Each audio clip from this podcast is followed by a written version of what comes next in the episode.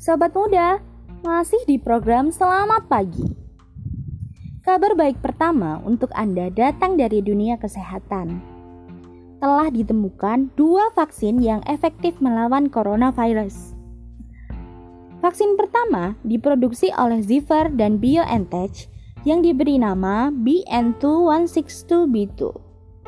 Vaksin ini disebut efektif menangkal virus COVID-19 hingga tingkat keberhasilan 90% tanpa efek samping berbahaya. Prosentase tersebut telah melewati ambang batas sebesar 50% yang ditentukan oleh Food and Drug Administration Amerika.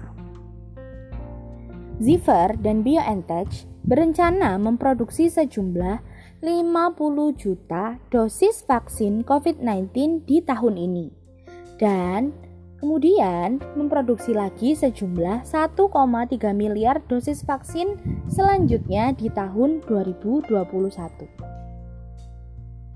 Vaksin kedua adalah vaksin Sputnik V asal Rusia.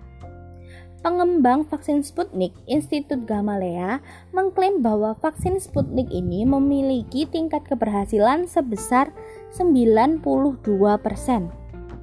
Presiden Rusia, Vladimir Putin, memberikan dukungan penuh terhadap produksi vaksin ini, mengingat hasil penelitian menunjukkan bahwa vaksin tersebut benar-benar efektif dan tidak memiliki efek samping serius.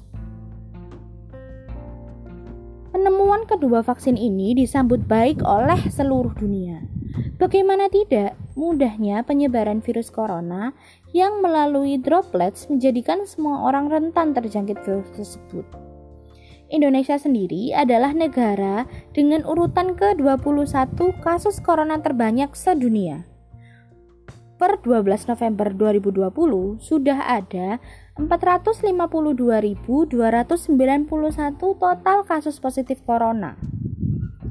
CNBC Indonesia dan covid19.go.id